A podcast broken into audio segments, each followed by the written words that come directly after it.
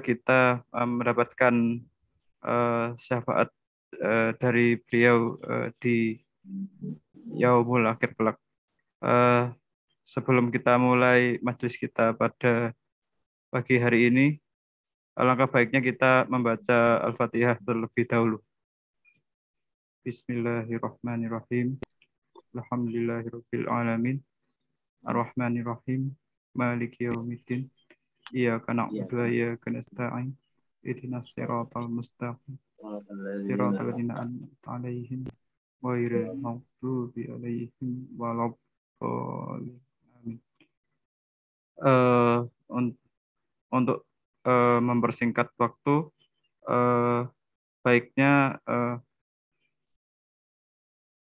Haras pada pagi hari ini uh, kita mulai uh, kepada Ustadz Khalili kami persilakan. Baik, Assalamualaikum warahmatullahi wabarakatuh. Waalaikumsalam. Alhamdulillah wassalatu wassalamu ala Rasulillah wa ala alihi wa sahbihi wa man walah la haula wa la quwata illa billah Subhanaka la ilma lana illa ma 'allamtana innaka antal alimul hakim. Rabbi israh li sadri wa yassir li amri wahlul 'uqdatam min lisani yafqahu qawli. Wasaddid lisani wahdi qalbi bihaqqi sayyidina Muhammad sallallahu alaihi wasallam. Terima kasih kepada teman-teman yang telah menyelenggarakan dars kajian buku risalah untuk kaum muslimin karya Profesor Sayyid Muhammad Naqib Alatas Pagi hari ini kita melanjutkan pada bab yang baru, yaitu faham atau paham sekuler dan sekuler, sekularisme dan sekularisasi. Beliau akan membahas secara bahasa, secara filosofis, dan kemudian apa kandungan daripada ajaran atau faham sekularisme ini, kemudian dampaknya terhadap pemikiran. Ini adalah bab yang eh, bagian daripada bab yang akhir ada sekitar 74 ya, 74 perenggangan. Dan ini adalah bab sekularisme dan sekularisasi adalah bab yang terakhir dalam uh, uh, buku Risalah untuk kaum muslimin. Sebelum saya mensyarah uh, isi pada perenggang 71, saya persilahkan Saudara Teguh Agung untuk membaca perenggang 71 ini. Silakan. Bismillahirrahmanirrahim. Dalam risalah ini telah berkali-kali kusebut perkataan sekular dan pensekularan tanpa merincikan maksud pahaman yang merujuk kepadanya. Maka dari itu, perlu rasanya kini untuk menghuraikan dengan ringkas paham-paham yang memaksudkannya itu. Mengenai pahaman yang disebut sekular itu, maka dia berasal dari perkataan Latin saeculum, yang bermaksud pada makna, masa, dan keadaan dunia di mana masa itu berlaku. Yakni, dia memaksudkan masa kini di sini. Masa kini bermaksud kepada kenyataan masa sekarang. Dan di sini bermaksud kepada dunia ini. Jadi faham sekular itu merujuk kepada makna kedisini kinian. Dengan ini saja harus tampak bagaimana fahaman sekular ini memang sudah mengandungi bibit faham perubahan dan keduniaan. Perubahan yang senantiasa berlaku pada dunia dan dalam dunia. Ini juga membayangkan kesimpulan bahwa perubahan yang dimaksudkan itu merujuk kepada perubahan dalam pemikiran manusia menurut perubahan-perubahan yang berlaku di alam sekeliling, yakni perubahan nilai serta kepercayaan dan ilmu, yang terus-menerus akan berlaku sebagai suatu evolusi. Mengenai pensekularan pula, maka dia menayangkan maksud keadaan sekular atau gerak daya yang sedang berlaku yang mengisbatkan yang sekular. Ciri-ciri utama. Oke. Okay. Uh, eh, paham sekuler pertama dijelaskan oleh Prof. Alatas uh, dari aspek bahasa ya. Sekuler dan pensekuleran. Kalau istilah kita sekulerisme, pensekuleran itu sekularisasi suatu proses. Sekuler itu berasal dari bahasa Latin yaitu seiculum Ya, karena bahasa Latin ini bahasa yang digunakan oleh orang-orang barat dari kalangan para ilmuannya, para cendekianya ya eh, di eh, di masa kegelapan.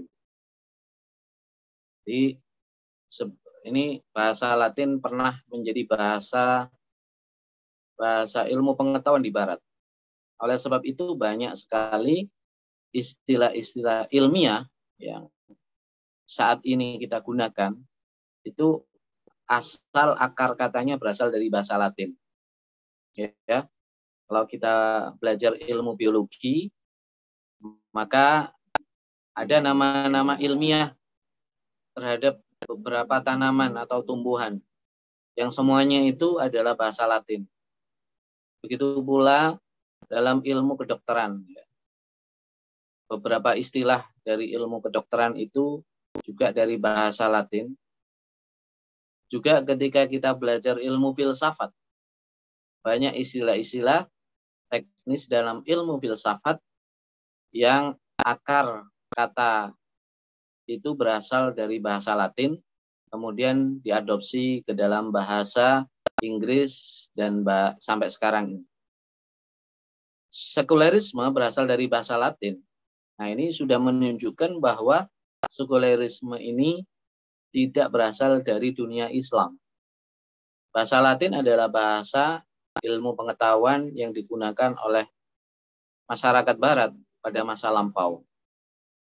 Maknanya adalah sekularisme ini adalah berasal dari lahir dari peradaban barat. Muncul dalam peradaban barat.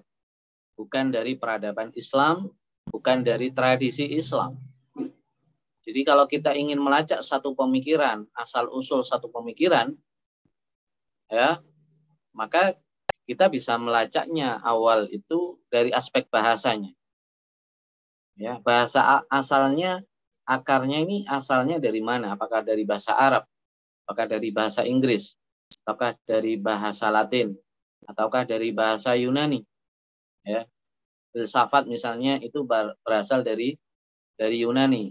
Ya filosofia ya filosofia itu berarti eh, cinta kebijaksanaan karena memang tradisi yang disebut kefilsafatan ini awal mulanya dari bangsa Yunani ya jadi itulah pentingnya merujuk atau menelusuri satu pemikiran dari akar bahasanya terlebih dahulu.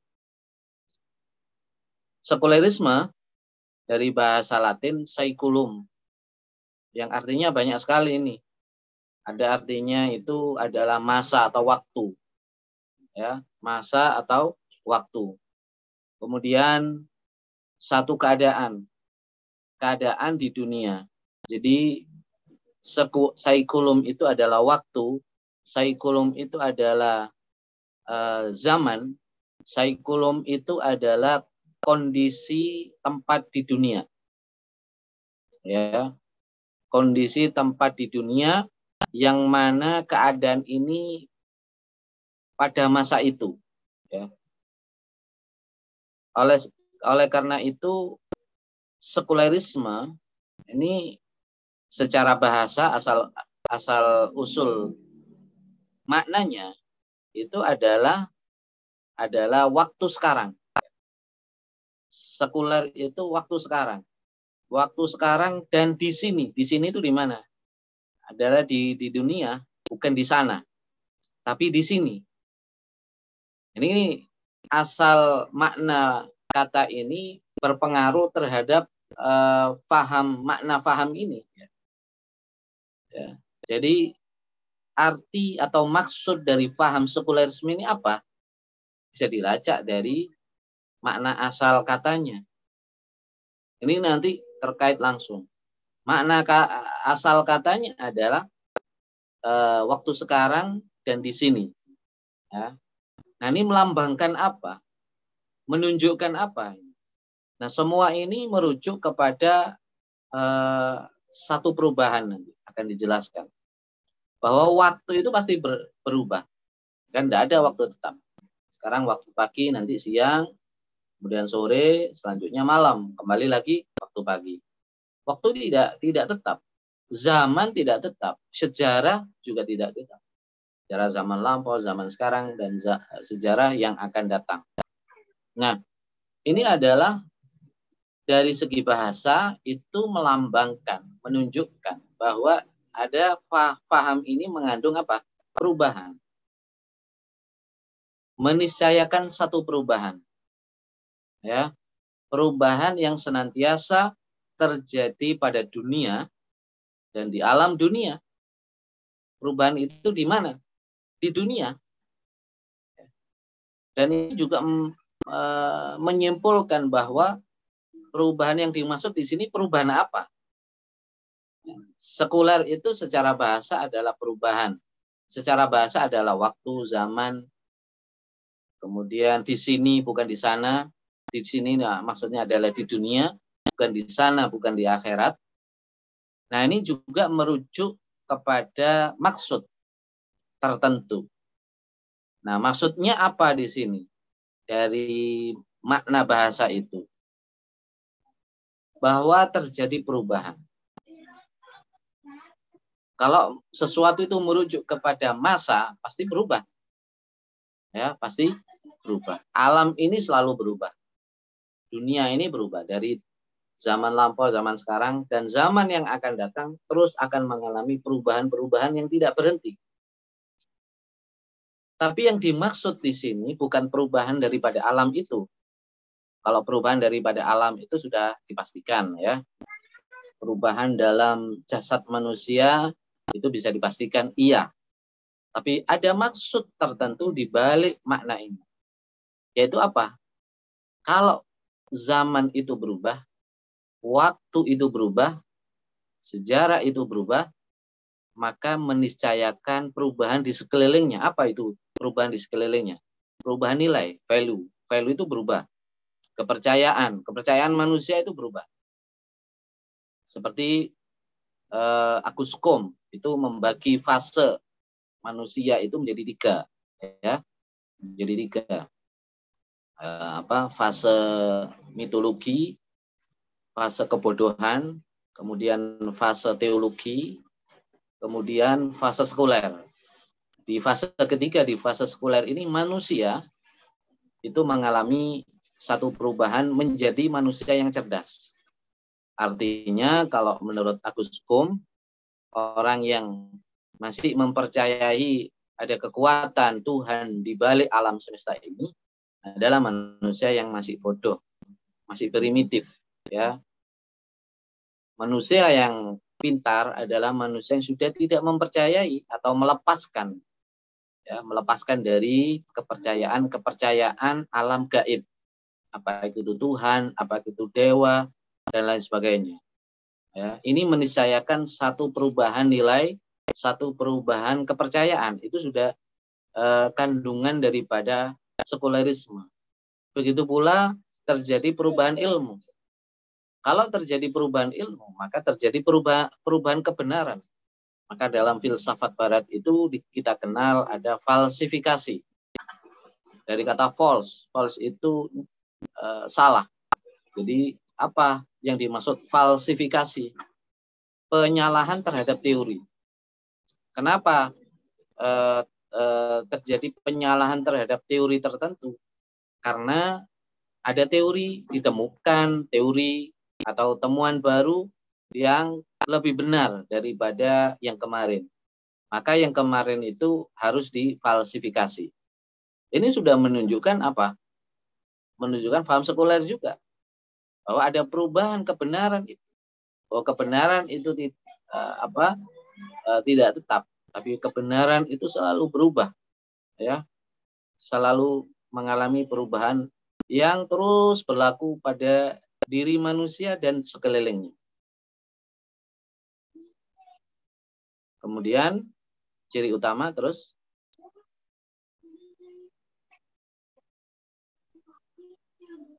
Lanjutannya utama. Ciri-ciri utama pensekularan merupakan tiga kenyataan yang bersangkut paut. Pertama, apa yang dianggap sebagai pengosongan alam tabii dari jiwa atau nyawa atau dewa-dewa atau sebarang kesimpulan yang merujuk kepada perkara rohani, yakni pengusiran dari dalam akal dan tanggapan pikiran terhadap segala faham yang merujuk kepada adanya dalam alam tabi itu, nyawa atau jiwa atau dewa-dewa, atau sebarang makna yang membawa kesimpulan rohani, sehingga alam tabi itu terlihat hanya sebagai merupakan benda belaka, tanpa lain-lain makna. Kedua, penafian tentang pengesahan kepemimpinan manusia yang dikuat-kuasakan oleh kepercayaan yang berdasar pada perkara rohani, seperti kepemimpinan manusia-manusia yang mengaku sebagai keturunan dewa-dewa, atau yang mengaku bahwa kepemimpinannya berdasarkan penganugerahan serta pengesahan tauliah dari alam goib atau Tuhan, seperti Anbiya dan Mursalin.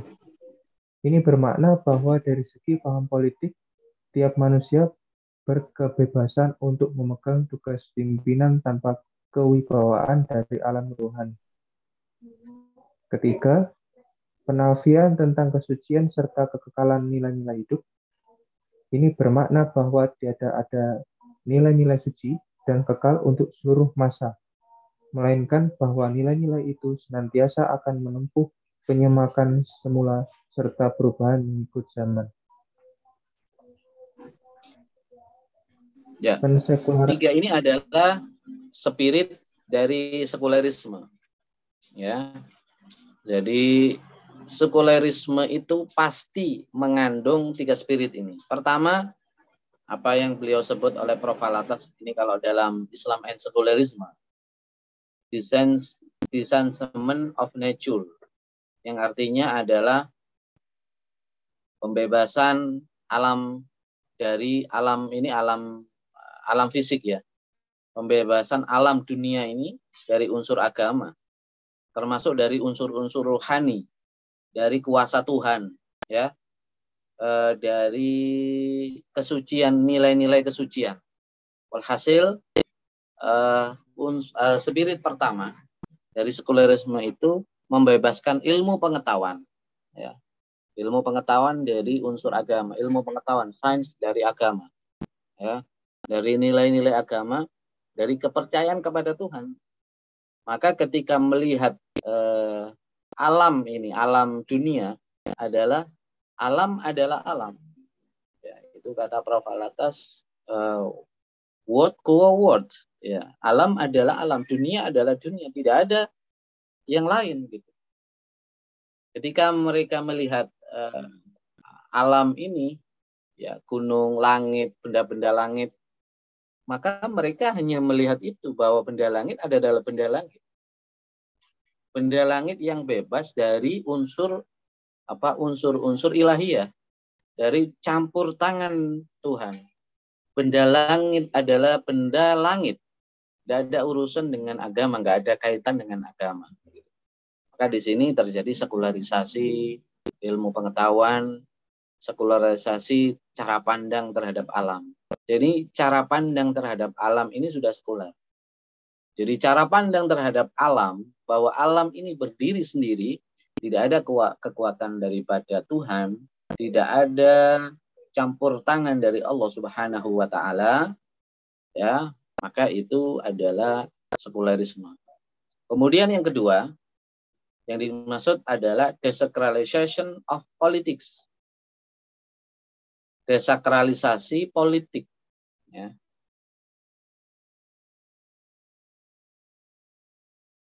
Desakralisasi politik. Saya pernah nulis uh, artikel pendek tentang desakralisasi politik. Apa itu desakralisasi politik? Yaitu penanggalan legalitas agama dari uh, dari politik ya. Jadi politik itu tidak ada hubungan dengan hukum-hukum agama. Ya. Tidak ada kaitan dengan agama. Sedangkan dalam Islam ada fikus siyasah politik itu sangat terkait dengan agama. Ya. Ada fikhus siyasa, fikih yang mengatur hukum yang mengatur tentang dunia politik. Jadi diatur mengangkat seorang pemimpin diatur dalam Islam. Ya. Bagaimana cara memimpin yang baik itu juga diatur dalam Islam. Bahkan ada hadisnya, kullukum ra'in wa kullum mas'ulun an ra'iyati. Setiap Anda itu adalah pemimpin dan bertanggung jawab terhadap apa yang kamu pimpin, ra'iyah. Ra'iyah itu yang dipimpin. Kemudian diadopsi oleh bahasa Indonesia menjadi rakyat. Jadi rakyat itu dari kata ra'iyah. Ra'iyah itu artinya rakyat itu apa sih? Rakyat itu adalah orang yang dipimpin. Nah, orang yang memimpin adalah ra'in. Ya. Jadi dari kata itu saja sudah menunjukkan bahwa seorang pemimpin itu adalah orang yang peduli dengan rakyatnya, dengan yang dipimpinnya, menjaga, ya, berkhidmat, melayani. Ya. Dia posisinya di atas, tapi dia melayani kemaslahatan daripada rakyatnya. Rakyat ini rakyatnya. Nah, faham sekularisme ini menghapus semuanya. Oh, politik gak ada hubungan dengan agama, gak ada hukum dengan ada hukum-hukum agama dan sebagainya. Kalau kembali kepada teologi Kristen, memang tidak ada tidak ada ya, eh, teologi Kristen mengatur politik. Teologi Yahudi juga tidak ada yang mengatur politik. Islam ada aspek-aspek uh, siasahnya, aspek-aspek politiknya. Yang ketiga, jadi kayak yang dinamakan sekularisme ya tiga-tiganya ini bukan kadang-kadang orang memahami sekularisme itu faslun di faslun bainadin wa daulah kadang memisahkan antara agama dengan dengan negara. Tidak sekedar itu. Bahwa sekularisme ini adalah satu program falsafah dengan makna tiga ini. Artinya eh, beliau menyebut berarti sekularisme ini program filsafat. Program falsafah ya. Karena menyangkut filsafat di sini, bukan sekedar politik, tapi falsafah. Yang ketiga adalah deconsecration of values. Kemarin saya nulis artikel tentang uh, dekonsekrasi nilai agama. Deconsecration of values itu apa?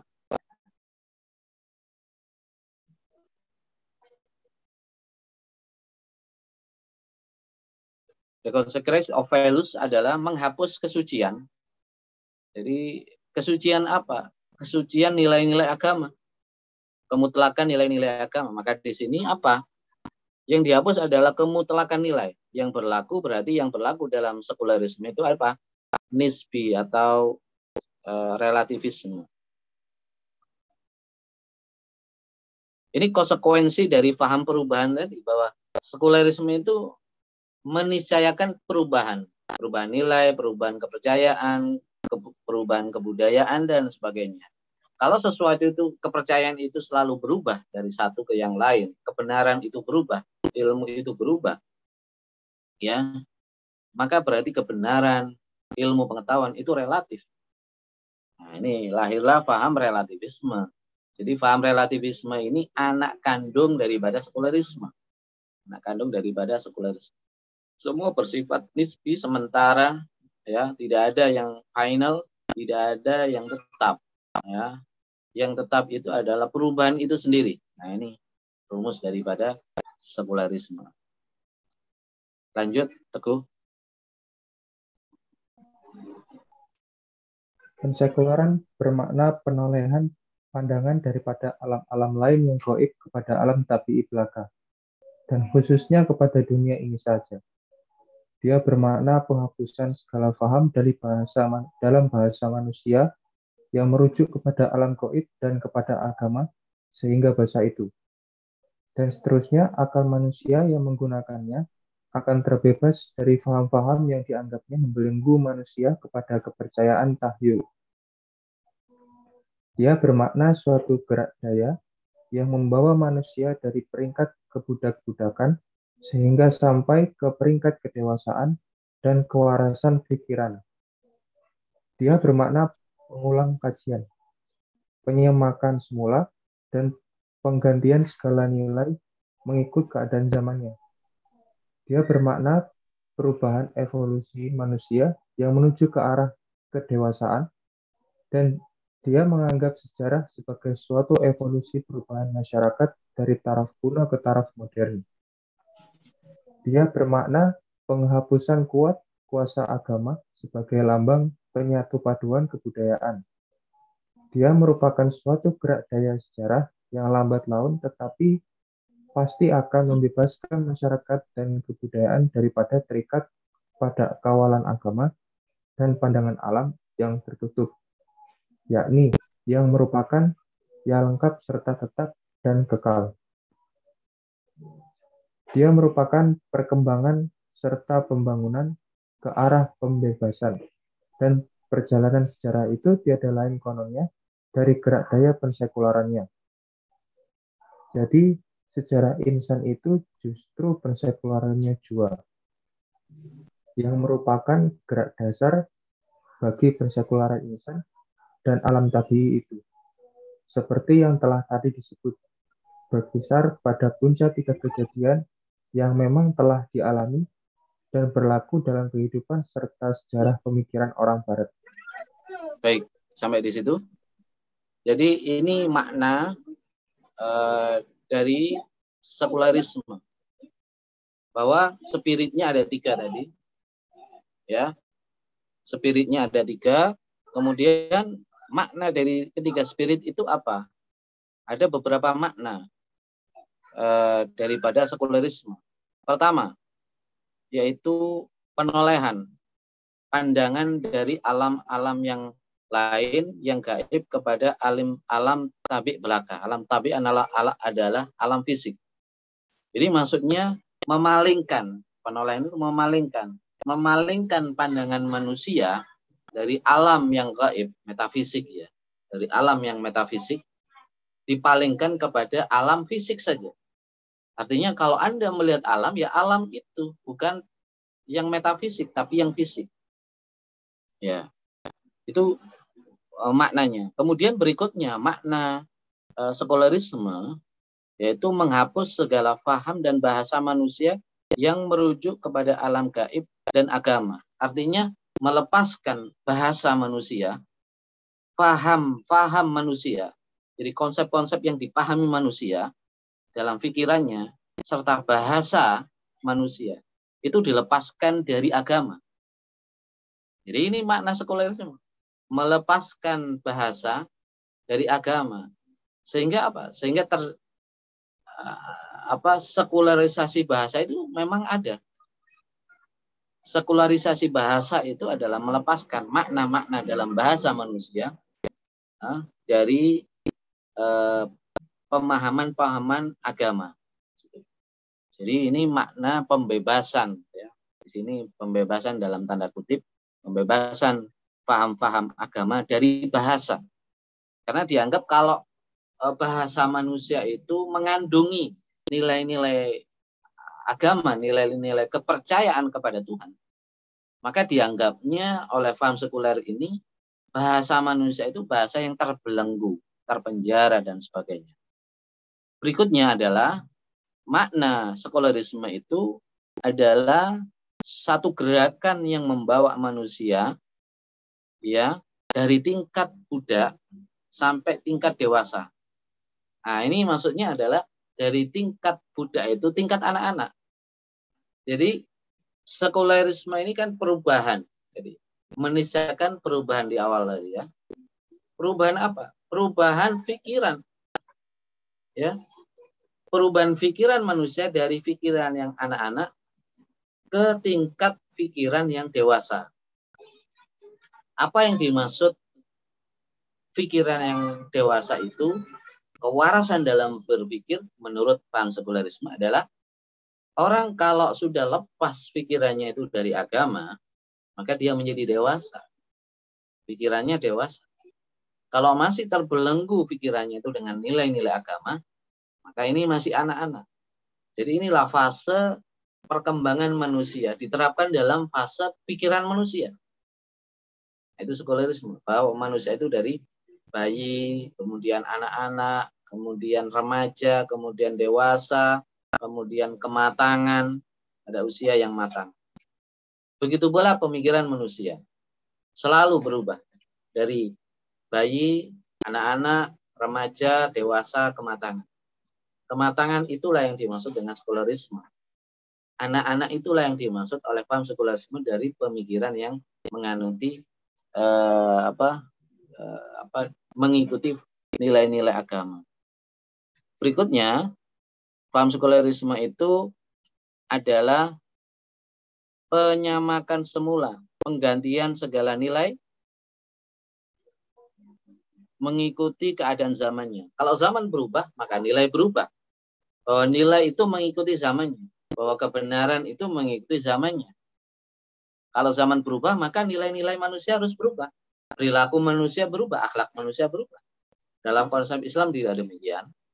Dalam konsep Islam, akhlak itu tetap, adab itu tetap. Tidak berubah adab itu. Adab kepada orang tua tetap adab kepada orang tua adalah anak-anak wajib menghormati orang tua.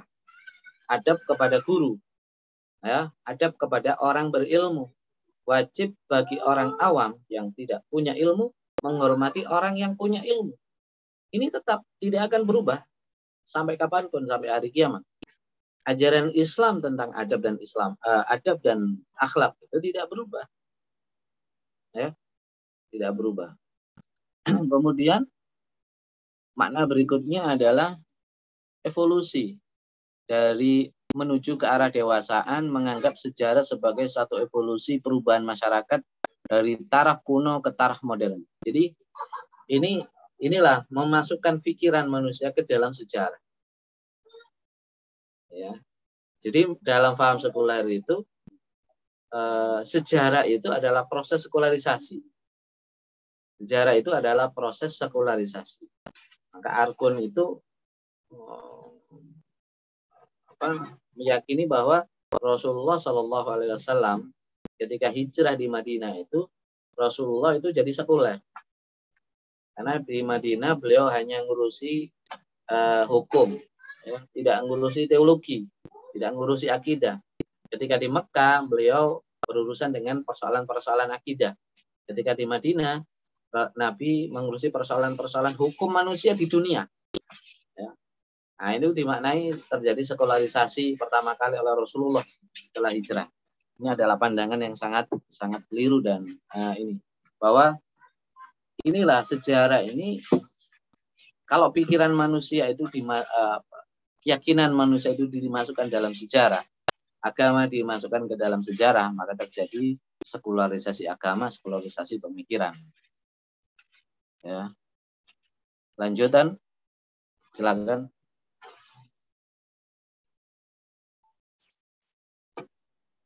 Pertama, pada pengosongan alam tabii dan akal insani dari sebarang makna rohani, sehingga memperpisahkan alam tabii itu dari Tuhan dan memperbezakannya dari insan, agar dapat kononnya insan meniliknya bukan lagi sebagai alam yang mempunyai hubungan maknawi dengan Tuhan, Niscaya dapat dia seterusnya bebas berleluasa mempergunakan alam itu menurut kehendak, rencana, serta keperluannya.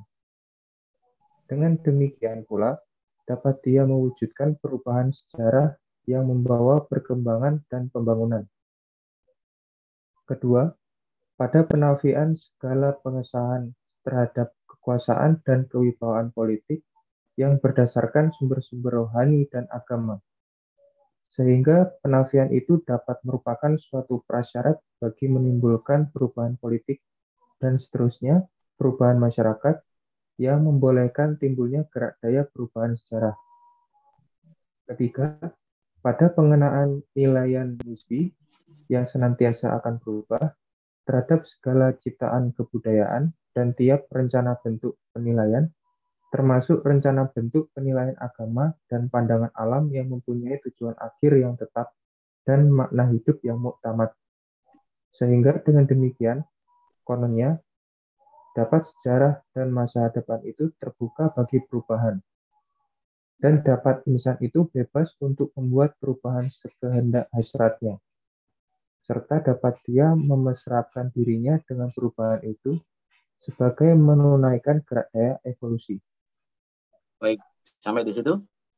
Bahwa makna-makna tadi, makna-makna sekularisme itu eh, sebetulnya berujung kepada satu satu apa tiga berujung pada tiga tiga dimensi pemahaman ya tiga dimensi pemahaman yang pertama dimensi pertama ya mengosongkan alam fisik ini mengosongkan akal pikiran manusia dari makna-makna ruhani ya jadi sekularisme ini anti pada metafisika anti pada aspek-aspek yang gaib eh, aspek-aspek yang uh, ruhani ada nilai-nilai ruhani spiritual dan sebagainya jadi ciri khas ini ciri khas sekularisme itu adalah mereka sangat tidak uh, menyukai aspek-aspek yang sifatnya nggak terlihat oleh kasat mata.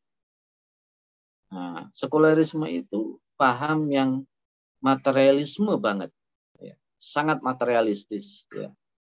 bersifat duniawi, bersifat fisik, apa-apa diukur dengan fisik.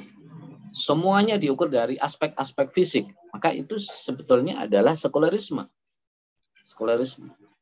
Maka sekarang itu kan orang menilai dari aspek fisik. Pembangunan, kemajuan, semua dinilai dari aspek fisik. Negara maju, ya, negara yang tidak maju, ukurannya apa? Aspek fisik. Jalannya rapi, bangunan gedung bangunnya bagus, ya, tata ruang yang bagus, aspek fisik semua. Apakah penduduknya itu berakhlak beradab? punya nilai etika yang baik tidak menjadi ukuran satu kemajuan peradaban. Jadi peradaban dianggap maju apabila peradaban itu berhasil membangun gedung-gedung yang megah, yang mahal, rumah-rumah yang luar biasa, jalan-jalan penataan yang sangat luar biasa. Ini aspek-aspek fisikal semua. Dan itu adalah eh, cara pandang sekularisme dalam menilai kemajuan. Kemajuan dalam Islam tidak demikian. Kemajuan dalam Islam itu dinilai dari akhlaknya. Semakin masyarakat itu berakhlak, semakin masyarakat itu beradab, ber, e, beriman, maka masyarakat itu maju. Maka zaman paling maju adalah zamannya para sahabat. Ya, zaman sahabat Nabi Shallallahu Alaihi Wasallam ketika sahabat dipimpin langsung oleh Rasulullah, generasi itu adalah generasi yang paling hebat, paling maju peradabannya. Khairul kurun, itu dalam hadis disebut khairul kurun. Kita membacanya apa khairul kurun? Peradaban yang sangat maju. Ya. Walaupun tidak ada teknologi handphone, ya, teknologi komputer, ya, tidak ada pesawat terbang, tidak ada mobil, eh, tidak ada kendaraan mesin-mesin, ya, tidak ada. Karena sebetulnya dalam pandangan Islam ukuran kemajuan peradaban ini tidak diukur dari situ sebetulnya. Itu adalah salah satu aspek saja, satu aspek saja. Ya. Uh, sekarang peradaban manusia itu menghasilkan berbagai macam bentuk-bentuk teknologi. Tapi manusianya bagaimana? Apakah kualitas manusia itu Eh, sama dengan kualitas manusia eh, para sahabat.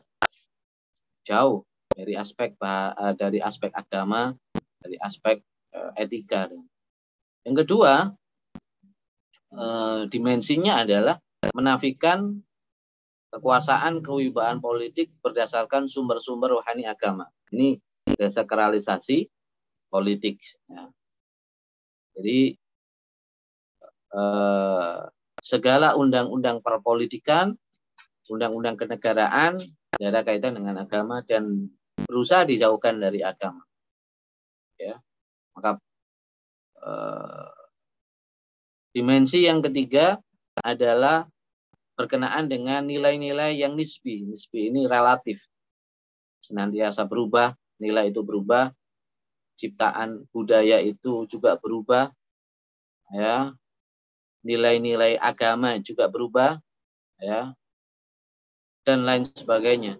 Ini semua menunjukkan bahwa sekularisme itu intinya dimensi ini, tiga dimensi ini, yang mana manusia itu e, selalu mengalami perubahan, perubahan dalam dirinya, dalam e, uh, alam sekelilingnya.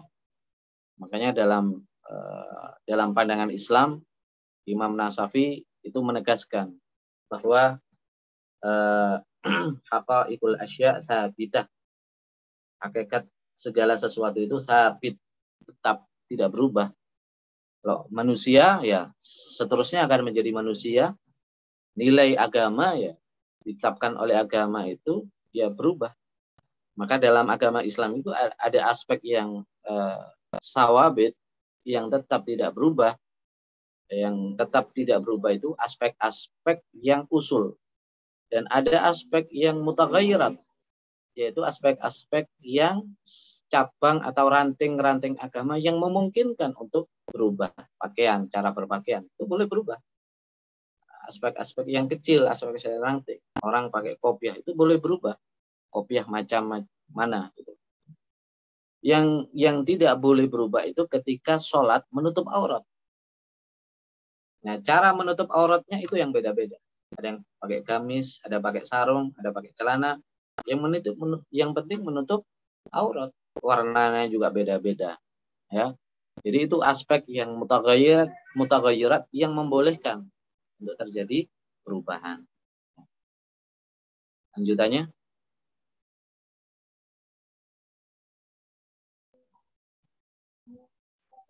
Sikap terhadap nilai hidup serta makna hidup demikian ini menghendaki bagi penganutnya adanya kesadaran dalam diri manusia sekular akan keinsafan tentang tiada sahnya nilaiannya sendiri sebagai yang benar dan kekal. Karena dia harus insaf, sedar bahwa nilai hidupnya sendiri pun bersifat nisbi dan fani juga.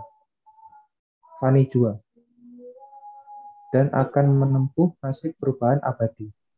Dia juga harus insaf sedar akan penerimaan makna hidupnya demikian itu, bahwa segala peraturan akhlakiah serta undang-undang dan hukum yang menjelma dari keadaan serta ciptaannya sendiri itu, dan yang merencana serta mengawal dan mengarahkan hidupnya, semua akan menempuh perubahan menurut perubahan zaman dan keturunan pula.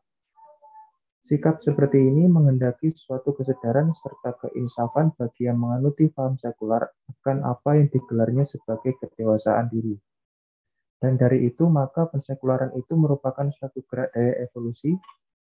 Kononnya, perihal kewaspadaan insan yang sedar akan perubahannya meningkat dari taraf kebudak-budakan naik ke taraf kedewasaan. Gerak daya evolusi inilah yang dipahamkan sebagai penyingkiran dari dalam pribadi tiap lapisan masyarakat akan sikap kebudak-budakan yang zahir sebagai sikap bersandar kepada agama dan kepada hal-hal mengenai hakikat rohaniah sehingga dapat dia berdikari menerima tanggung jawab kedewasaan.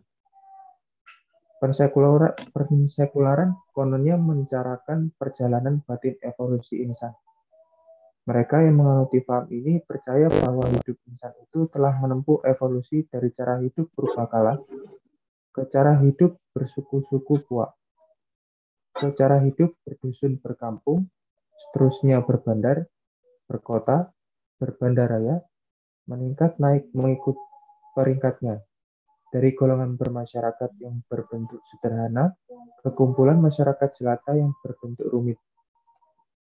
Dan ya, dipilih ya, dari ya, sampai di situ. Baik. Paham sekuler itu intinya adalah mengandung dua ya dua dua gerak daya istilahnya begitu ya Gerak daya pertama adalah gerak daya yang sifatnya relatif.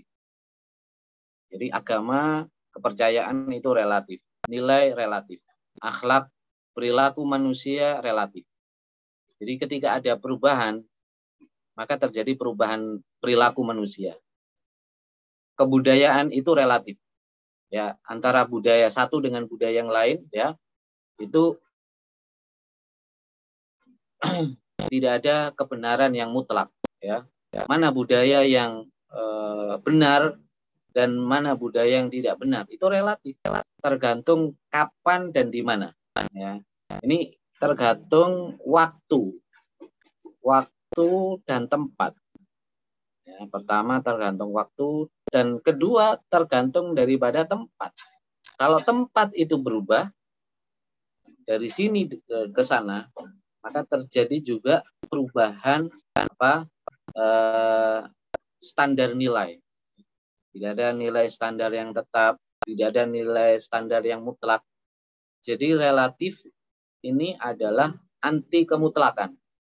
Tidak ada sesuatu yang mutlak, bahkan agama pun, bahkan Tuhan pun tidak ada yang mutlak. Maka timbullah, lahirlah paham-paham, pemahaman manusia terhadap Tuhan itu relatif. Penafsiran manusia terhadap ayat-ayat suci firman Tuhan adalah relatif. Yang mutlak adalah Tuhan. Nah, itu. Kemudian yang kedua kandungannya adalah evolusi. Evolusi perubahan yang sangat mendasar. Evolusi ini kaitannya dengan sejarah, kaitannya dengan juga waktu. Lagi-lagi waktu. Kalau standarnya itu waktu, standarnya itu tempat, maka selalu berubah. Karena dalam pandangan Islam waktu dan tempat itu bukan standar.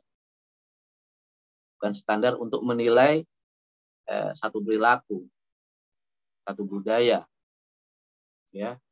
Kecuali itu aspek-aspek yang cabang yang dibolehkan dalam dalam agama. Maka kita di sini penting mana yang aspek dalam agama itu yang sifatnya mutakhayyirat, mana yang sawabit.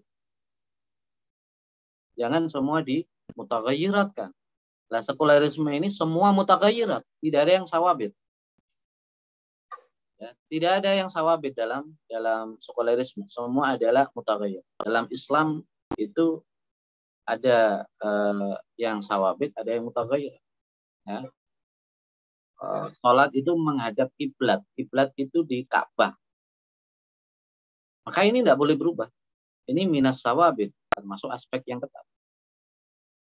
Tidak boleh berubah ya tidak boleh nanti eh, frame-nya apa kerangkanya kerangkanya ada, ada dalil petunjuk syariat ya.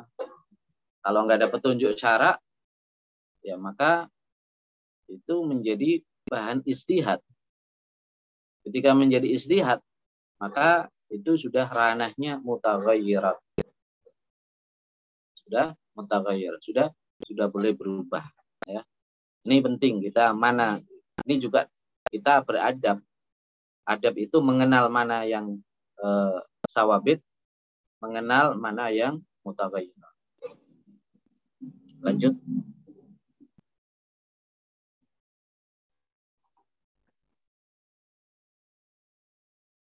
Lanjutkan Teguh.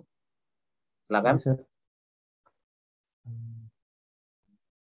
Dan ditilik dari keadaan hidup insani menurut peringkat evolusinya, perubahan dari peringkat hidup purbakala ke peringkat hidup masa kini itu bersamaan keadaannya dengan perkembangan insan dari peringkat kebudak-budakan ke peringkat kedewasaan. Keadaan hidup dalam bandar itu merupakan rangka yang dalamnya berlaku kedewasaan insan. Rangka yang dalamnya berlaku persekularan yang carakan corak tamadun itu serta juga dicarakan olehnya. Maka keadaan di mana persekularan itu berlaku merujuk pada tiga tempat dan mauduk. Pertama, dia berlaku di bandar-bandar. Kedua, dia berlaku di dalam akal. Ketiga, dia berlaku dalam bahasa. Yang mereka maksudkan dengan kedewasaan itu justru tiada lain dari keberanian menghadapi serta menghidupi hayat yang dianggapnya terangkum dalam hakikat penilaian nisbi, yang senantiasa berubah dan harus menempuh perubahan, dan yang harus pula dirubah serta direlai perubahannya. Kedewasaan berarti kesanggupan menempuh penafian segala nilai yang dianggap memberi makna pada diri.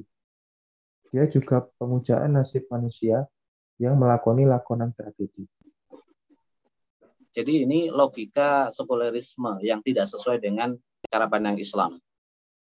Bahwa eh, nilai kepercayaan agama ilmu pengetahuan itu digambarkan ya seperti gambaran seorang anak seperti gambaran sebuah tempat. Ini yang salah logika sekulerisme menggambarkan. Bahwa ilmu pengetahuan, nilai kepercayaan agama itu digambarkan sebagai seorang manusia yang selalu berubah. Tidak tidak boleh disamakan. Ya. Maka dulu zaman eh, rame-ramenya jaringan Islam liberal itu ada yang menulis bahwa syariat itu adalah bagaikan organisme yang hidup. Nah, ini sebuah penggambaran yang tidak tidak tepat, penggambaran yang salah. Inilah bentuk penggambaran yang berbau sekuler. Bahwa syariat itu seperti organisme. Apa itu organisme? Organisme hidup itu yang selalu berubah. Dari bayi, kemudian anak-anak, kemudian sampai dewasa. Gambaran ini logika yang salah. Ya, logika-logika yang salah. Jadi cara pandang yang salah bahwa eh, organisme itu dari anak sampai dewasa. Dari anak-anak sampai dewasa.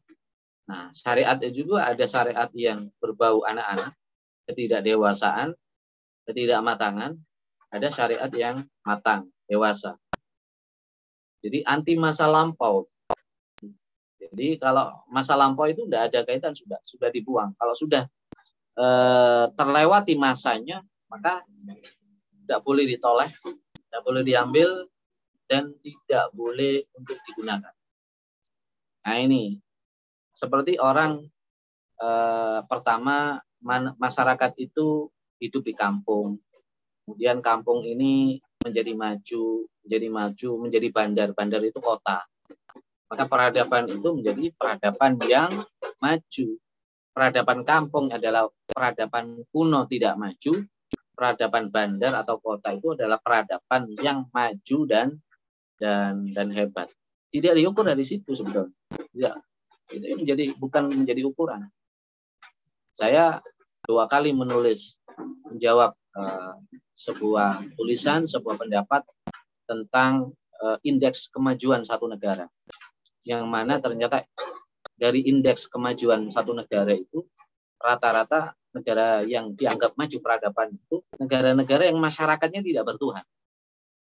Rata-rata itu ya. Negara-negara muslim masuk paling eh, apa tengah atau bawah ya.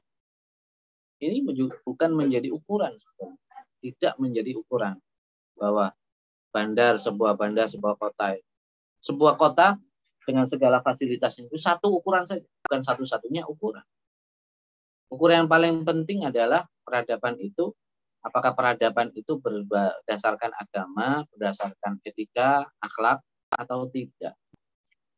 Dalam pandangan Islam namanya adab itu tamadun ya. Namanya kenapa disebut tamadun karena basisnya adalah din. Peradaban Madinah itu peradaban yang sangat maju. Maju. Ya, sampai sekarang pun paling maju. Kenapa? Berdasarkan din, akhlaknya berdasarkan din ya bukan berdasarkan perubahan-perubahan daripada kita. Kalau perubahan terjadi perubahan-perubahan itu pasti orang itu tidak mengalami satu kebahagiaan. Termasuk kebahagiaan itu akan berubah terus. Makanya dalam paham ini masyarakat sekuler itu masyarakat yang tidak bahagia. Kenapa? Masyarakat yang kebahagiaannya tidak tetap. Dalam Islam kebahagiaan itu tetap ada standarnya ada kaedahnya bagaimana sampai kepada kebahagiaan sejati. Dalam masyarakat sekuler ini tidak ada standar uh, kebahagiaan yang tetap. Hari ini bahagia bisa jadi besok itu sedih. Menjadi kesedihan kondisinya. Nah, itulah uh, tragedi ya. ya. Makanya yang berlaku dalam masyarakat barat atau peradaban barat itu adalah uh, satu peradaban yang selalu mengalami perubahan dari segala semua aspek kehidupannya. Mereka meniscayakan selalu harus berubah. Kalau tidak berubah maka tidak maju. Kalau tidak berubah maka tidak tidak tidak apa tidak tinggi ya nilainya. Nah, ini sangat bertentangan dengan nilai-nilai ajaran atau pandangan hidup hidup Islam. Pandangan hidup Islam tidak seperti itu. Tidak mengenal uh, logika bahwa nilai kepercayaan agama itu seperti anak, seperti sebuah tempat kampung menjadi kota, anak menjadi dewasa. Tidak demikian seperti itu. Agama ada timbangannya sendiri. Akhlak ada timbangannya sendiri. Ya. Ada ada mizannya. Ada frame-nya, ada kerangka-kerangka tersendiri, ya. Maka di sini kerangka sekularisme itu kerangka yang yang selalu mengalami perubahan itu. Kerangkanya saja sudah berubah. Ya. Jadi kapan sampai kepada kebenaran? Tidak pernah mencapai kebenaran relativisme itu ujungnya nanti uh, melahirkan satu pandangan yang membingungkan. Kenapa bingung? Kenapa bingung? Karena tidak pernah uh, sampai kepada tujuan kebenaran yang final. Kalau Islam itu uh, kebenaran itu ada finalnya. Tiga, Allah a'lam.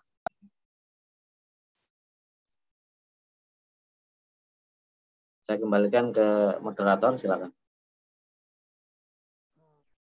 Baik Ustaz, uh, jazakallah atas uh, pemaparan syarah dari uh, perenggan 71. Uh, mungkin dari uh, uh, saudara sekalian ada yang ingin didiskusikan atau pertanyaan?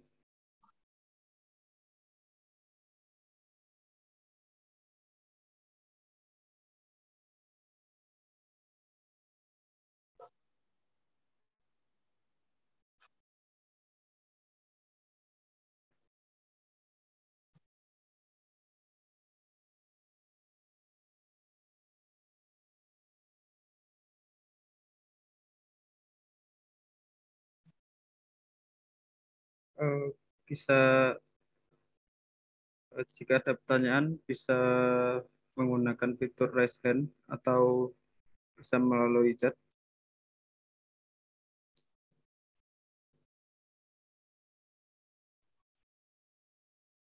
Eh, saya ingin bertanya, Ustaz. Ya. Tadi di halaman 198 itu saya bertanya-tanya di teks bagian uh, tengah itu kan disebutkan profil atas yang bagian pertama pada pengosongan alam tabii dan akal insani dari sebarang makna ruhani. Di sini kan disebutkan akal insani, Ustaz. Akal insani dari sebarang makna ruhani. Kenapa e, pertanyaan saya kenapa tidak sekalian saja insani dari sebarang makna ruhani? Karena disebut, disebutkan di situ ada akal. Apakah ini bermakna uh, Prof. Ates mensorot pada aspek logika uh, Barat ya, atau bagaimana? Iya, uh, ini kembali kepada konsep akal. Jadi uh, konsep akal yang dipahami oleh masyarakat Barat, sekuler, dan konsep akal yang dimaksud oleh para ulama-ulama kita itu tidak sama. Jadi akal yang dimaksud uh, kalau ini kita kembali pada untuk analisisnya, analisis kita coba uh, kembali pada ilmu filsafat bahwa akal itu ada aspek rasio, ada aspek intelektus. Nah, uh, itu kalau kita dalam belajar ilmu filsafat ya.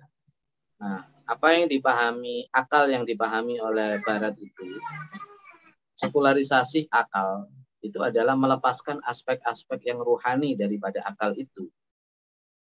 Nah, aspek apa yang di, dilepaskan? Itu aspek yang bernama intelektus.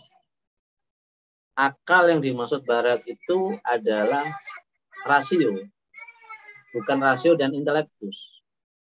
Sedangkan akal yang dimaksud oleh para ulama-ulama kita adalah yang dimaksud rasio juga intelektus. Jadi ketika disebut terminologi al-aklu, maka maknanya adalah rasio iya intelektus juga. Nah, Barat itu membedakan antara rasio dengan intelektus. Rasio itu adalah akal bagi mereka. Rasional. Ya, rasional. Yang dimaksud rasional bagi Barat itu bukan yang dimaksud makul dalam Islam, berakal menurut Islam. Tidak sama. Jadi intelektus itu adalah kemampuan akal dalam menyerap aspek-aspek rohani, memahami aspek-aspek rohani. Jadi akal ini oleh Allah ini diberi kemampuan. Diberi kemampuan apa? Untuk menyerap, memahami aspek-aspek yang ruhani. Aspek-aspek yang metafisik. Itu bisa memahami akal kita. Nah ini dilepaskan oleh paham sekuler. Dilepaskan. Sehingga rasio itu lepas dari uh, aspek-aspek yang metafisik. Bahwa lalu uh, ada kesimpulan bahwa aspek metafisika itu tidak bisa dipahami oleh akal. Memang iya, metafisika itu tidak dipahami oleh rasio, tapi bisa ditangkap oleh intelektus. Nah, salahnya sekulerisme ini adalah melepaskan intelektus itu. Jadi maksud berakal itu adalah ya rasio itu. Dan itulah medan daripada ilmu pengetahuan medan daripada ilmu pengetahuan dan kepercayaan itu adalah rasio bagi masyarakat barat. Dalam pandangan Islam, medan ilmu pengetahuan bukan sekedar uh, rasio, tapi kedua-duanya. Ya, maka ilmu pengetahuan dalam Islam itu menyangkut fisik dan metafisik. Dari keilmiahannya, standar ilmiah ya dalam Islam itu adalah fisik dan metafisik. Maka kalau kita belajar filsafat e, positivisme, yang dimaksud ilmiah itu, scientific, ya, yang dimaksud scientific knowledge, ya, ilmu yang scientific, ilmu ilmu pengetahuan yang ilmiah itu adalah ilmu yang sesuai dengan standar-standar positivisme, filsafat positivisme. Apa itu? Yang ada data-data realnya, kalau ada data realnya, data real ini adalah data yang sensual dan rasional. Sensual bisa diindra. Ya. Maka ini juga masuk dalam metodologi. Kalau ini metodologi sains sebetulnya kan. Tapi ini digeneralisasi untuk semua pemikiran, pemikiran agama, pemikiran dan lain sebagainya, ilmu pengetahuan secara umum. Sebenarnya ini adalah standarisasi ilmu pengetahuan sains barat waktu itu. Memang ada aspek-aspek yang dohir, ya diukur dengan aspek yang dohir. Demikian kira-kira. Bisa dipahami, aku ya. Matur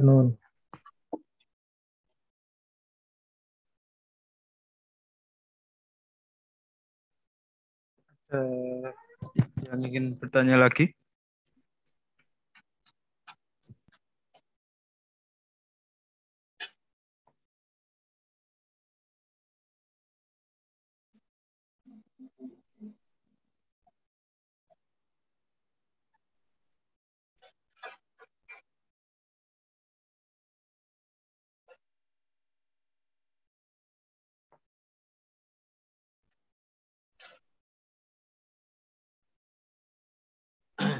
Jadi eh, saya mau menambahkan itu kalau eh, dalam aspek aspek riset ya, aspek riset kalau aspek-aspek itu memang data-data fisik maka dia tuh diukur dengan data-data fisik ala filsafat positivisme itu boleh dibenarkan. Yang nggak bisa dibenarkan itu ketika digunakan untuk e, pemikiran keagamaan. Karena agama itu ada banyak sekali aspek-aspek yang metafisik ya. Bahkan ada perkataan dari seorang ulama tidak semua agama itu bisa masuk akal. Ya. tidak semua agama aspek-aspek agama itu masuk akal. Artinya tidak. Semua aspek agama itu masuk dalam rasio manusia. Karena ketika bicara rasio pasti terbatas. Pasti ada batas. Dan ada batasannya memang rasio Contoh misalnya, kenapa sholat subuh itu dua rakaat? Tidak ada penjelasan, toh. Tidak ada penjelasan. Kenapa sholat duhur itu empat rakaat? Ya, empat rakaat. Kan dua rakaat enak-enak. Orang lagi kerja, sibuk-sibuk kerja. Di tengah kesibukan orang bekerja kan? Ya, kalau zaman dulu orang kerja itu dagang di pasar, ya. Lagi lagi sibuknya, kemudian ada duhur. Harus sholat. Orang dulu sholat di masjid. Kalau orang sekarang sholatnya di kamar masing-masing. Ya. Kalau yang punya toko, ya tutup tokonya tetap buka sambil jaga toko sambil sholat. Orang sekarang. Gitu. Kalau orang zaman dulu ketika dan maka tokonya ditutup pergi ke masjid namanya al-jami al-jami itu maksudnya masjid. Kita semua pasar sepi zaman dulu ketika zuhur. Empat rakaat ya. habis itu buka lagi toko. Bukan pulang tapi buka lagi. Justru pada siang hari ramai dan orang butuh istirahat ya kan? Tapi kenapa ini empat rakaat? Malah panjang. Malah banyak rokaat. Andai andai kata itu dua rokaat, rasional karena orang lagi sibuk, orang butuh istirahat, rasional banget. Sholat maghrib kenapa tiga? Enggak dua saja, waktunya pendek. Maghrib itu, maghrib antara maghrib dengan isya, pendek. Dan sholat maghrib, itu baca wirid, habis itu baca Al-Quran, sholat sunnah, makan, Duduk tidak lama kemudian sudah ada isya. Ini tidak rasional. Mestinya dua rakaat cukup atau satu rakaat. Kalau hitungannya waktu itu satu rakaat sudah sudah mencukupi itu satu rakaat. Tapi ini tiga rakaat. Ya. Jadi ini rasio nggak bisa memahami. Tapi intelektus itu boleh memahami, bisa memahami. Karena intelektus itu uh, apa bisa mendapatkan pencerahan dari kitab suci, dari wahyu, ya, dari apa penjelasan-penjelasan Nabi Shallallahu Alaihi Wasallam boleh menghadap. Maka agama itu jangan rasio saja, tapi harus intelektus. Ya. Agama itu akal dalam arti bahwasanya nah, kedua-duanya tidak. Nah, Barat itu dikotomi antara rasio dan dan dan apa dan intelektus. Demikian Allah alam. Tambahan sedikit. Baik, Ustaz.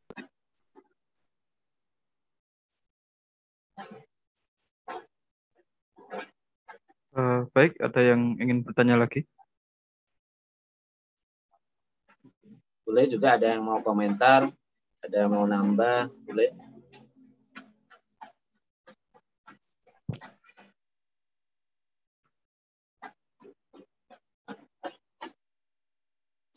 Arif Trimardianto, gimana kabarnya? Alhamdulillah, Alhamdulillah baik Ustaz. Ada komentar? Bagaimana? Uh, kalau seandainya begini Ustaz, apakah bagi pemikiran Barat itu pemikiran masa depan itu sudah masuk metafisika Ustaz. Dalam artian kalau orang dulu memandang hari ini itu adalah metafisik karena nilai dan norma itu berbeda. Apakah orang hari ini kan berarti melihat masa depan dengan sisi barat Ustaz ya. Berarti kan metafisik juga. Dalam artian ketika uh, nantinya hari kiamat itu datang yang dianggap hari ini adalah metafisik berarti kan memang uh, pemikiran barat itu harusnya mereka sadar bahwa pemikirannya mereka hari ini yang rasional itu kan tidak masuk akal Ustaz. Sudah, sudah tidak rasional lagi. Apakah seperti itu? Iya. Kalau dari pemikiran aspek uh, dari sisi pemikiran barat ya maksudnya ya. Jadi dalam dari sisi pemikiran barat, masa depan itu masa de, masa atau waktu yang enggak terlihat tidak diketahui, tidak dipahami, tidak bisa dipahami. Sesuatu yang dipahami adalah sesuatu yang telah dijalani dan sedang dijalani manusia. Adapun waktu atau zaman sebelum dijalani manusia, maka ini tidak bisa dikaji, tidak bisa di, uh, diteliti, tidak bisa diteliti, tidak bisa dikaji karena belum terjadi manusia nggak belum mengalami. Syarat untuk uh, dikaji itu kan pernah mengalami atau sedang mengalami. Nah, kalau belum dialami, maka nggak bisa dikaji. Sehingga dalam dari perspektif barat sekuler ini yang sekuler bukan teologis ya yang sekuler hari masa depan hari kiamat itu tidak ada kan banyak itu uh, apa survei-survei anak-anak muda barat dari berbagai negara saya pernah baca hasil survei itu kemudian di uh, apa didokumentasikan dalam bentuk wawancara secara video terhadap anak-anak muda di negara-negara Eropa. Ada 10 negara yang menjadi sampelnya. Ada negara Swiss, ada negara Finlandia, Finlandia kan ini negara maju ya, katanya pendidikannya paling maju. Ada Finlandia, kemudian Inggris, ada Perancis, ada Jerman, ada Spanyol, dan sebagian kecil negara uh, Eropa Timur. Ya, kalau Eropa Timur kan banyak yang ateis memang. Dalam arti memang dasarnya komunis, ateis. Kalau Inggris kan teologis, kerajaannya kerajaan Kristen. Spanyol juga kerajaan kerajaan Kristen ya itu eh, dokumentasi ada banyak sebetulnya penelitian-penelitian itu survei terhadap anak-anak muda yang survei ini orang orang Muslim Eropa yang Muslim orang Barat yang melakukan survei dan wawancara terhadap anak-anak muda kisaran usia antara 16 tahun sampai 25 tahun di usia-usia produktif bagi mereka usia yang bagi masyarakat baru sangat dewasa.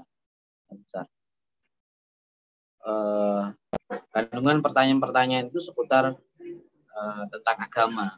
Agama kamu apa? Agama kamu apa? Dari sampel itu rata-rata 95 persen itu menjawab tidak punya agama. Tidak punya agama. Jika ditanya apakah kenal Yahudi, kenal Kristen, mereka kenal. Apa kenal Islam? Tidak kenal Islam. Artinya apa? Mungkin pernah dulu keluarganya Kristen. Dulu keluarganya Yahudi. Maka mereka kenal. Uh, terus mereka ditanya, apa yang Anda ketahui tentang Islam? Sama sekali tidak tahu. Nothing. Sama sekali tidak tahu tentang ajaran agama Islam. Ya, Jadi buta, betul-betul buta terhadap ajaran Islam. Kemudian apakah Anda percaya pada Eh, hari kiamat tidak percaya. Hari kiamat itu tidak ada. Lalu apa yang Anda maksud dengan kehidupan? Yang dimaksud dengan kehidupan adalah kehidupan sekarang. Nah, sekarang. Maka apa itu bahagia? Mereka punya jawaban. Apakah percaya kepada akhirat?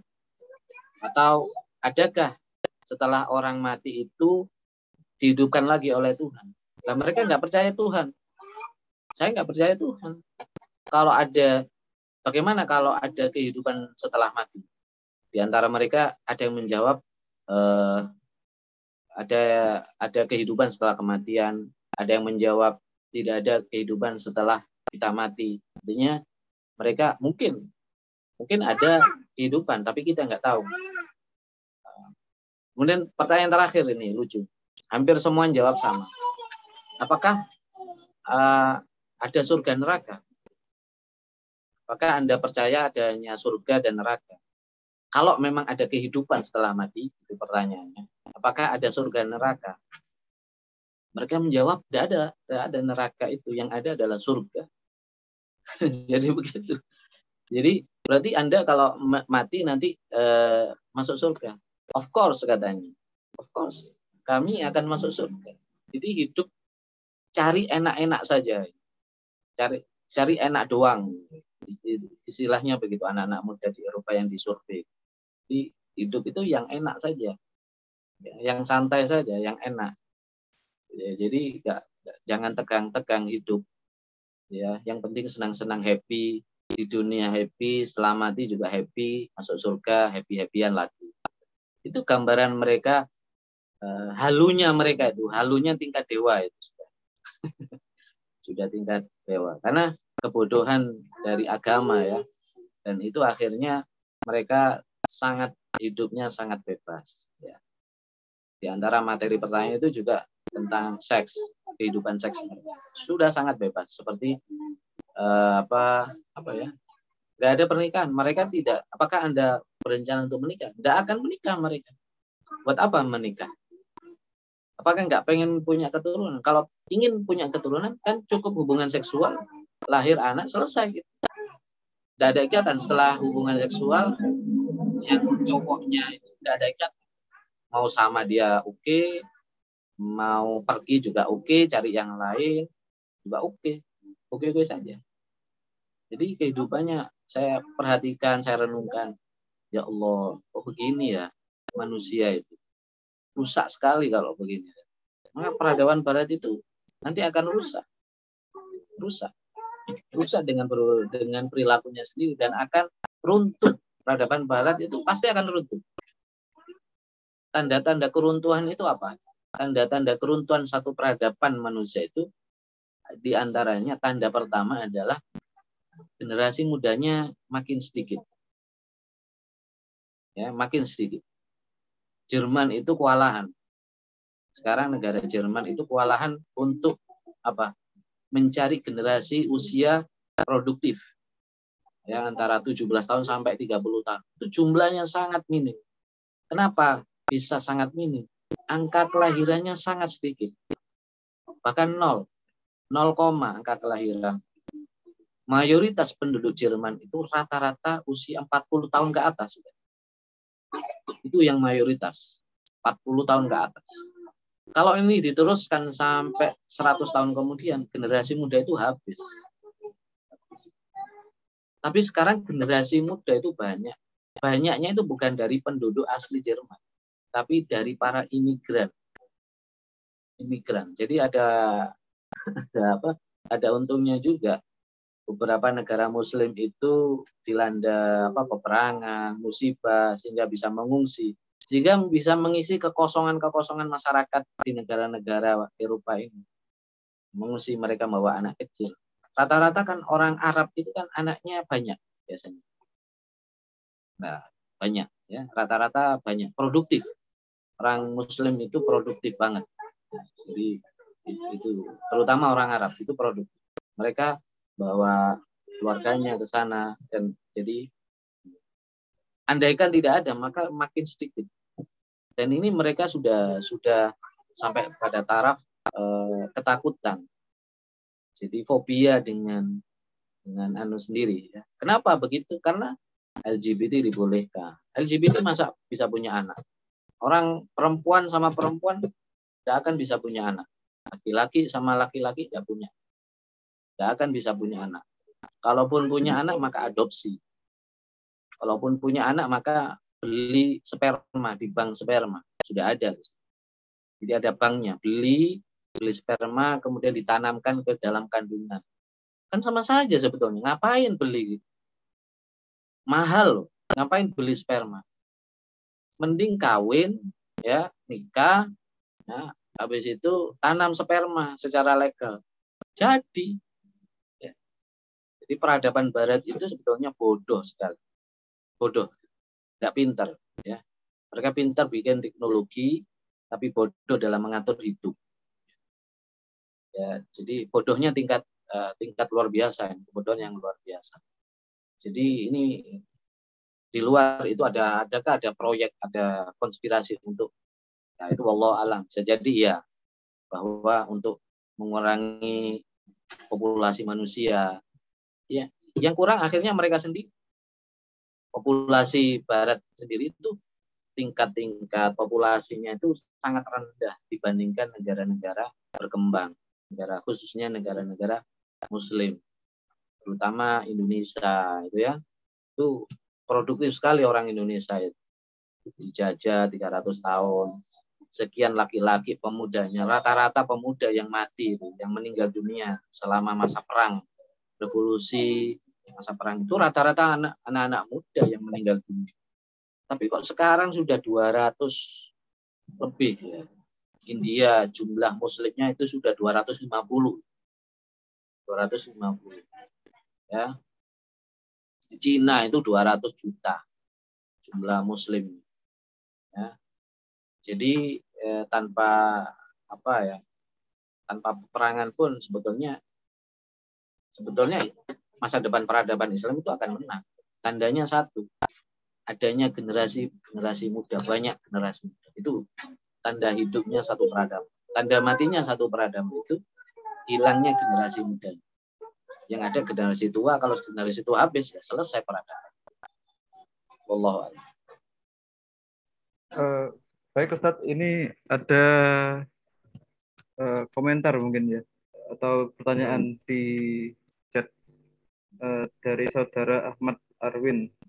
Mau bertanya Ustadz menyambung penjelasan barusan jika kondisinya seperti yang diwawancara tadi, mengaku tidak tahu sama sekali mengenai Islam, apakah orang tersebut bisa dimasukkan ke dalam golongan orang yang kabar mengenai Islam belum sampai kepadanya sehingga dia jadi terbebas dari hukum begitu ya Ustaz atau dimasukkan ke dalam golongan yang kabar Islam telah sampai padanya namun dia menolak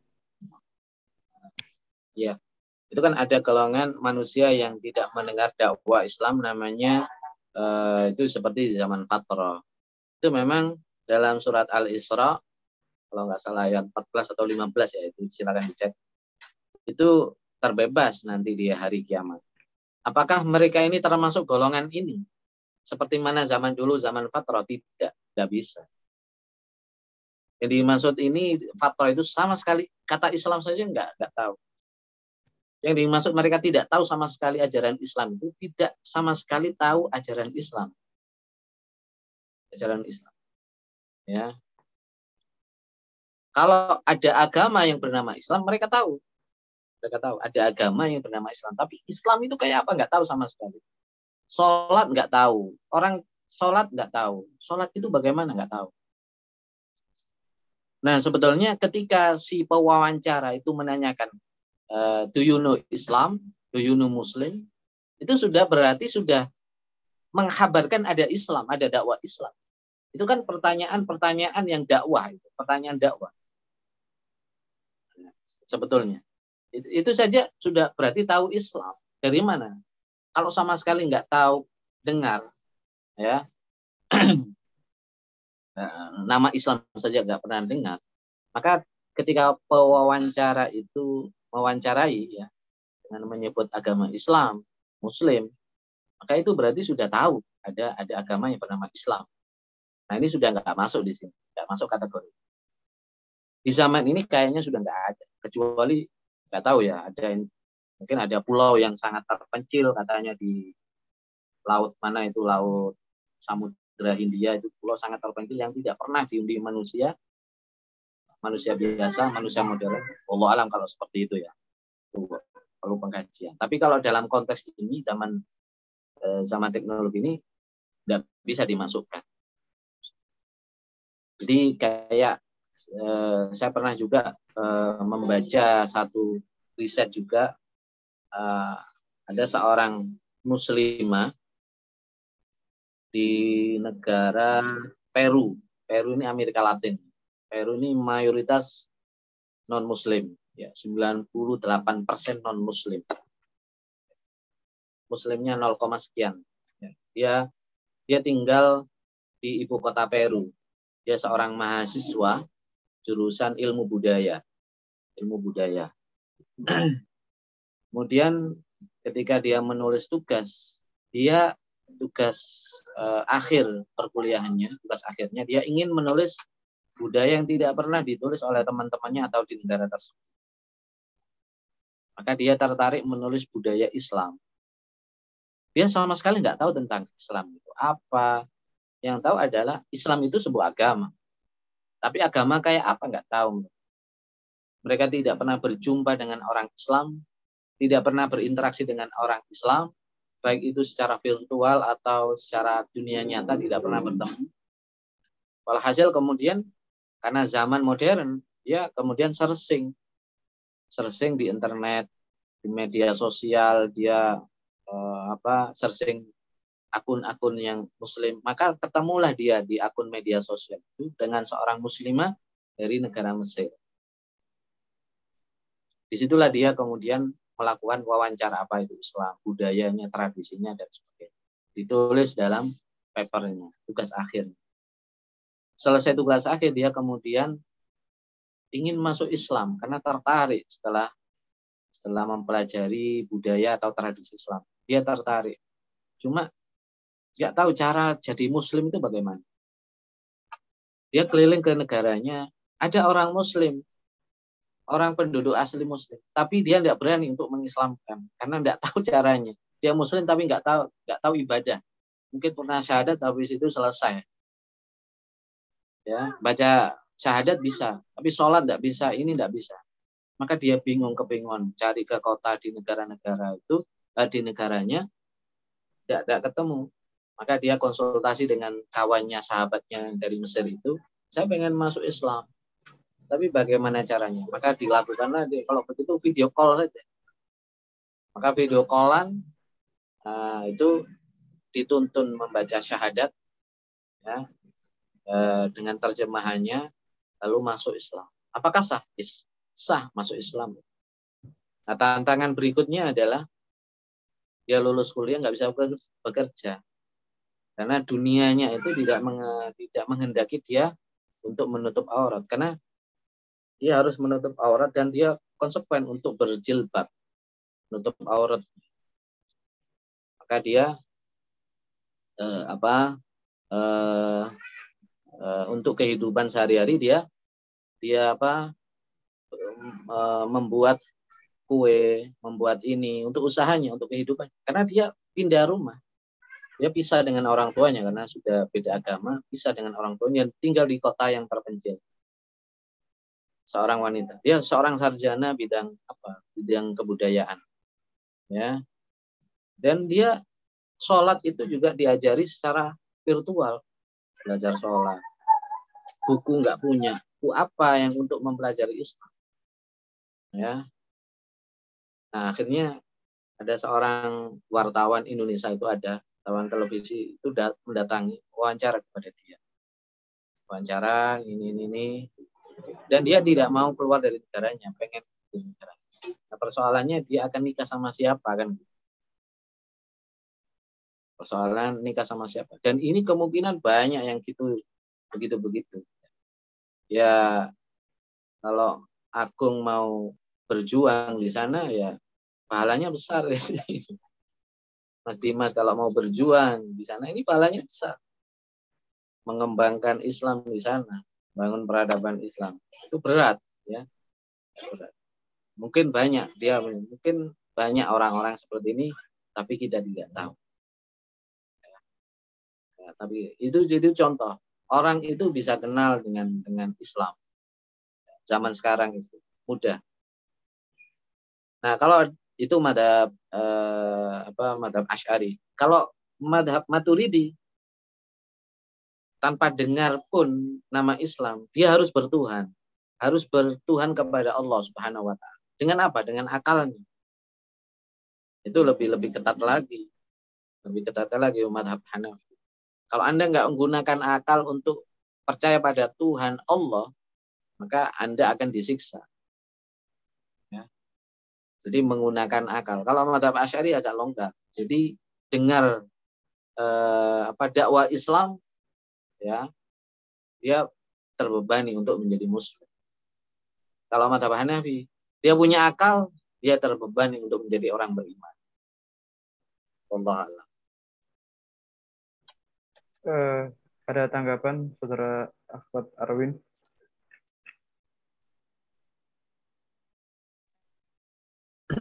Ya,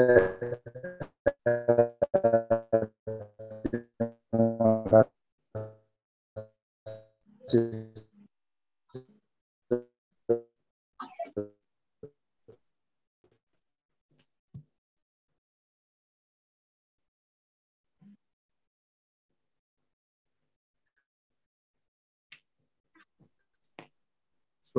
agak terputus-putus. Ya, nggak dengar suaranya. Putus.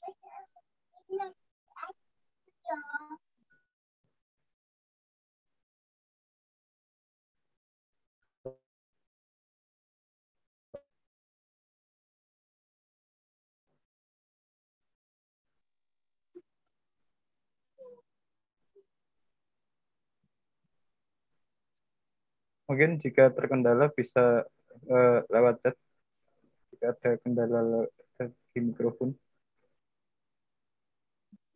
saya memberikan tanggapan lewat chat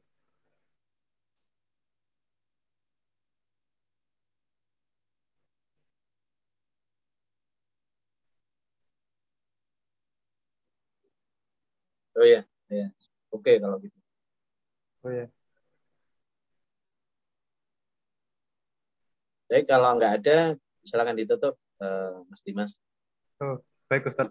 Uh, Jazakallah Ustaz uh, atas uh, ilmu yang diberikan. Uh, semoga bisa memberikan manfaat kebaikan bagi kita semua.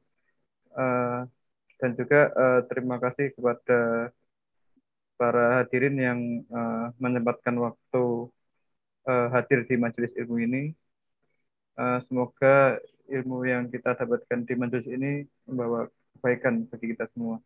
Uh, sebelum saya tutup, uh, mari kita membaca istighfar, astagfirullahaladzim, dan juga kita baca doa kafaratul majelis.